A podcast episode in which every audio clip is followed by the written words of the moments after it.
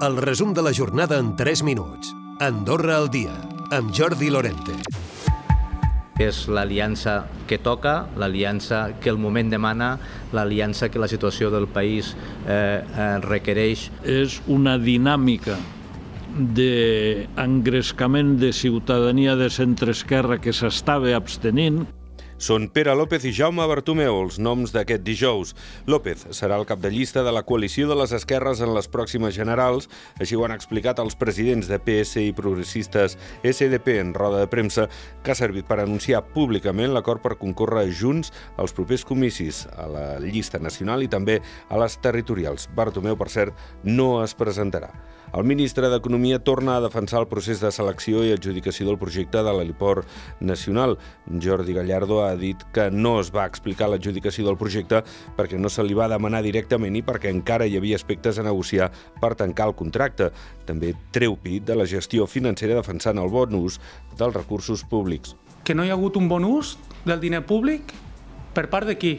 del ministre, de la intervenció, del govern, escolta, jo crec que hem de ser més seriosos i fer una, una, una fiscalització de la feina del govern i una política més responsable i de més alta volada. I no fer política de rodes de premsa i de postureig. Les coses s'han d'argumentar, s'han de demostrar i s'han de fonamentar. No s'han de buscar els titulars a les portes d'unes eleccions D'altra banda, López ha criticat aquest procés de tramitació i adjudicació de l'heliport. Ha dit que ha estat un escàndol, l'ha qualificat de vergonyós pel que fa a la resposta del portaveu del govern en roda de premsa d'aquest dimecres.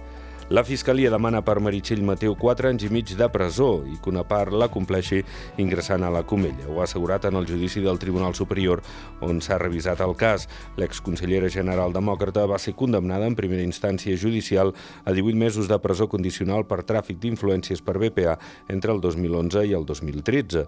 Les dues empreses concessionàries del transport públic han manifestat la seva sorpresa davant l'anunci unilateral del govern de canviar la compensació per la gratuïtat del servei. A partir d'ara serà per viatge i no per bo executat. Consideren que el més greu és la manca de respecte i rigor amb què se'ls ha tractat. En parla el president de Copalsa, Gabriel de Llerès.